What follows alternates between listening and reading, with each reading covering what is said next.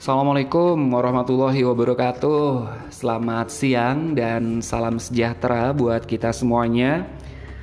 Halo podcast lover di mana pun rekan-rekan berada saat ini. Mudah-mudahan siang hari ini semuanya masih tetap dalam keadaan sehat-sehat Tanpa ada halangan suatu apa pun. Oke, kalaupun misalnya ada yang lagi kurang fit ya Marilah kita doakan bersama-sama. Semoga keadaannya bisa cepat membaik ya saat ini hari Selasa tepatnya tanggal 16 Juni, ya bener ya? Ha, 16 Juni tahun 2020. Posisi ketika saya membuat podcast ini sedang berada di kantor. Jadi kalau misalnya ada suara kendaraan, ada suara sirine dan sebagainya mohon dimaklumin aja. Intinya siang hari ini saya ingin berbagi cerita. Ya, menurut saya cerita ini bisa lah kita jadikan inspirasi ya terutama buat kita yang saat ini mungkin ya mungkin ya merasa senasib sepenanggungan. Dalam artian yang bagaimana? Dalam artian yang terkena dampak COVID-19 ini. Ya sempat dengar-dengar kabar sih dari berbagai media katanya vaksinnya udah ditemuin obatnya udah siap di produksi secara massal dan lain sebagainya. Ya apa pun itu kita tetap berharap Mudah-mudahan kita bisa kembali lagi menjalankan aktivitas seperti sedia kala. Nah, berbicara soal harapan, intinya yang ingin coba saya sampaikan di dalam podcast ini ya berkaitan dengan harapan itu tadi. Jadi ada seorang sahabat cowok gitu ya, dia datang kepada saya uh, ngajak makan, kemudian ngobrol ya dari A ke Z, dari kiri ke kanan, dari timur ke barat sampai akhirnya obrolan itu masuk ke bagian aduh gimana ya sekarang ya. Dulu ketika belum ada Covid, kerjaan lancar. Sekarang ketika ada Covid, ya mau tidak mau perusahaan harus mengurangi jumlah karyawannya karena membebani operasional. Dan teman saya ini uh, kebetulan terkena uh, work from home, jadi bekerja dari rumah, tidak dikeluarkan, bukan dikeluarkan sih ya, tidak diberhentikan secara total, tapi diberikan tugas untuk bisa dikerjakan dari rumah. Hal ini memberikan pengaruh terhadap salary atau gaji yang dia terima. Jadi gajinya otomatis tidak full karena uh, apa ya, ya kebijakan perusahaan lah. Saya kira rekan-rekan pasti yang lebih paham soal ini. Saya lanjutkan lagi, jadi dia cerita tentang uh, yang pertama dia merasa jenuh ya otomatis karena bekerja dari rumah ada banyak perbedaan tidak bisa ketemu dengan rekan-rekan di kantor atau mungkin juga tidak bisa pokoknya intinya tidak seperti biasanya. Jadi itu yang pertama jenuh. Kemudian yang kedua bingung ya udah jenuh kemudian bingung-bingung dalam artian ya biasanya mungkin kalau uh, tidak bekerja di rumah ya mungkin di sana banyak uh, support dari peralatan kerja atau orang yang bisa kita ajak konsultasi atau mungkin kita bisa melakukan berbagai upaya lain demi menyelesaikan tugas atau pekerjaan yang menjadi tanggung jawab kita. Itu yang yang kedua. Yang pertama jenuh yang kedua bingung yang ketiga khawatir khawatir kalau misalnya produktivitas ataupun apa yang sudah dihasilkan ternyata belum bisa memenuhi ekspektasi dari perusahaan tempat teman saya bekerja. Kemudian alih-alih begitu dia tanya nih kepada saya seandainya saya mencari pekerjaan baru, seandainya saya mencoba peluang baru, seandainya saya melakukan sesuatu yang baru menyesuaikan dengan keadaan seperti ini, kira-kira apa ya yang bisa dilakukan seperti itu. Kemudian ya saya menjawab saat itu karena kita nuansanya juga lagi santai, lagi makan siang, saya bertanya, Ya kalau kamu sendiri pengennya apa seperti itu karena kan saya memberikan saran, saya memberikan uh, apa ya uh, jawaban atas pertanyaan ini kan saya nggak ada referensi apa-apa. Jadi saya coba untuk menggali dulu gitu pengennya ngapain seperti itu. Kemudian dia bicara ya saat ini kelihatannya banyak media-media di internet, peluang-peluang di internet, di sosial media untuk bisa menghasilkan uang seperti itu. Ada dia juga bilang pengen jadi youtuber, pengen jadi podcaster juga. Kemudian dia juga pengen menjadi orang yang uh, bisa lah berbagi uh, di media publikasi internet dan itu bisa menghasilkan uang. Entah itu jadi reseller juga jadi dropshipper juga macam-macam pokoknya namanya kita ngobrol seperti itu. Kemudian alih-alih berlanjut seperti itu ya coba aja diikuti. Yang pertama eh, yang kira-kira yang menurut kamu yang paling berpeluang dan paling bisa kamu laksanakan. Jadi yang pertama yang peluangnya dulu, terus yang kedua yang menurut kamu yang bisa kamu lakukan. Sehingga dari sekian banyak pilihan itu disortir, difilter, akhirnya muncul beberapa pilihan, nggak banyak, mungkin dua. Dia dia ingin ingin uh, dia ingin menjadi seorang youtuber, kemudian dia ingin menjadi seorang uh, apa namanya reseller seperti itu, produk-produk dan lain sebagainya. Ya sudah itu aja dilakuin gitu kan. Saya menyambutnya seperti itu. Ya udah lakuin aja. Uh, let's do seperti itu. Nggak usah pikir-pikir lagi udah. Yang penting action saya bilang seperti itu.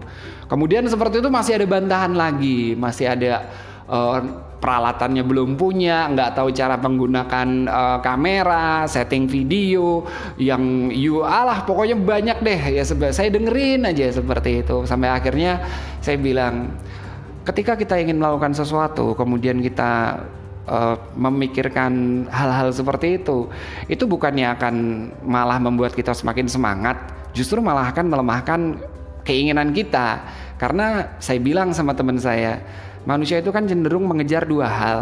Yang saya dapat juga dari guru saya Bapak Tung Desa Muaringin saya pernah belajar juga dengan beliau. Menurut Pak Tung Desa Muaringin yang pernah diajarkan kepada saya, manusia itu hanya mengejar kenikmatan dan menghindari kesengsaraan.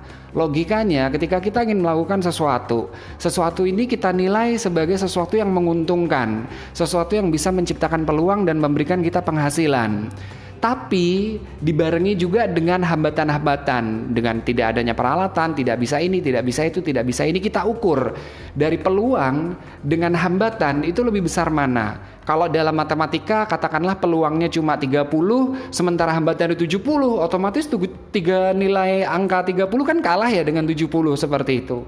Saya memberikan ilustrasi seperti itu ya sampai akhirnya kesimpulannya adalah uh, yang penting memulai dulu ya. Nggak usah mikir ribetnya nggak usah mikir susahnya mikir yang gampang aja dulu. Nggak harus beli peralatan nggak harus menciptakan studio. Bisa aja mulai dengan vlog misalnya ya dengan selfie misalnya atau dengan peralatan tongsis yang mungkin harganya di kisaran angka puluhan ribu masih terjangkau lah seperti itu. Artinya masih bisa dibeli seperti itu. Jadi pemikirannya jangan uh, ekspektasinya jangan terlalu yang yang wah dulu. Start from small seperti itu. Mulai dari hal kecil sambil kita juga melatih diri. Akhirnya saya memberikan motivasi kepada dia. Sampai akhirnya di ujung cerita, akhirnya uh, dia meminta bantuan kepada saya untuk um, membuat konten seperti itu. Ya, saya katakan insya Allah nanti kita gerak sama-sama. Apa pun yang itu baik bisa memberikan manfaat dan uh, progresnya memberikan peluang. Pokoknya nggak ada ruginya lah. Ayo kita jalan sama-sama seperti itu. Nah kesimpulan dari apa yang ingin saya sampaikan yang saya katakan di awal podcast tadi di awal uh, kata pengantar saya ada manfaat yang bisa kita ambil. Artinya buat teman-teman ya atau untuk rekan-rekan begitu yang mungkin merasa saat ini ingin melakukan hal yang sama, tapi juga menemukan hambatan-hambatan, menemukan resiko-resiko atau menemukan halangan-halangan. Ya kita harus pahami bahwasannya dunia ini kan diciptakan berpasangan ya. Ada baik, ada buruk, ada kanan, ada kiri, ada siang, ada malam, ada untung juga ada rugi. Tapi kalau misalnya kita mau melakukan sesuatu takut salah, takut rugi, takut gagal dan sebagainya, saya kira malah kita tidak akan ke mana-mana. Justru yang diajarkan kepada saya dari guru saya, Bapak Tung Desa Waringin, yang terpenting adalah kamu mencoba karena ilustrasinya begini, kalau kamu diam aja, kamu akan diam di satu titik di satu titik ya, katakanlah titik itu titik nol. Tapi ketika kamu melakukan sesuatu, kamu akan bergerak walaupun itu presentasinya hanya 0, tapi lebih baik ya daripada kamu hanya diam di tempat seperti itu. Saya ingat kembali kata ayah saya yang pernah mengatakan hidup ini adalah sebuah perlombaan. Ya, artinya kita tidak diharuskan menjadi pemenang, tapi juga jangan sampai ketinggalan. Teruslah bergerak supaya kita bisa mengikuti iringan seperti itu. Ya, kalau ditakdirkan kita menjadi pemenang, who knows siapa yang tahu gitu loh. Kita nggak bisa melihat masa depan. Tapi yang jelas masa lalu itu kan dijadikan pengalaman. Tapi apa yang kita dapat hari ini, apa yang kita jalani hari ini, dan apa yang kita hadapi hari ini, ini adalah sebuah kesempatan, adalah sebuah anugerah, adalah sebuah gift, adalah sebuah bless, dan saya kira kita semua patut mensyukuri hal itu. Ya, kita berpikir mungkin ide seperti ini mungkin saya membuat podcast seperti ini kenapa tidak kemarin seperti itu? Kenapa dapatnya baru hari ini? Kenapa sempatnya baru ini baru hari ini? Artinya kalau saya memikirkan tentang hal-hal yang uh, terlalu berlebihan lah seperti itu yang negatif lah ya intinya maka jadinya kita akan menjadi orang yang kurang bersyukur gitu. Udah bersyukur tapi mungkin kurang kadarnya. Jadi inspirasinya adalah yuk kita sama-sama bersyukur tentang terutama ya maksud saya, yuk kita sama-sama bersyukur terutama dengan apa yang hari ini saat ini ada di dalam diri kita. Bahkan Pak Tung Desa Muaringin sekali lagi, saya memang banyak belajar dari beliau ya. Ketika uh, Pak Tung ditanya, Pak Tung ceritanya dalam sebuah kayak wawancara gitu ditanya sama si wawancaranya Pak Tung buat Pak Tung sendiri apa yang membuat Pak Tung bahagia? Kan gitu. Terus apa yang dia jawab? Dia jawab uh, yang dia jawab adalah saya merasa bahagia ya ketika apa yang saya butuhkan ada pada dalam diri saya. Seperti itu. Nah kita kan nggak tahu apa yang menjadi kebutuhannya Pak Tung seperti itu. Sehingga ketika itu diterapkan formulanya kepada setiap orang, maka kapasitas orang pun juga beda-beda. Mungkin ada orang yang merasa seperti hari ini saya cukup bisa punya bensin buat transportasi, ada uang sedikit buat jajan, ada pulsa internet untuk menjalin komunikasi dengan rekan-rekan itu sudah cukup bagi saya. Kalau nanti ada tambahan-tambahan, anggap saja itu sebagai bonus. Kalaupun nanti ada kekurangan-kekurangan, ya anggap saja itu sebagai suatu pembelajaran supaya di hari-hari ke depan kita bisa menjadi orang yang lebih baik lagi, baik dalam menata kehidupan maupun dalam mengorganisir kehidupan. Kurang lebihnya seperti itu. Mudah-mudahan ada manfaatnya. Mohon maaf kalau ada salah ya. Teman-teman bisa kok e, menjalin komunikasi dengan saya lewat WhatsApp.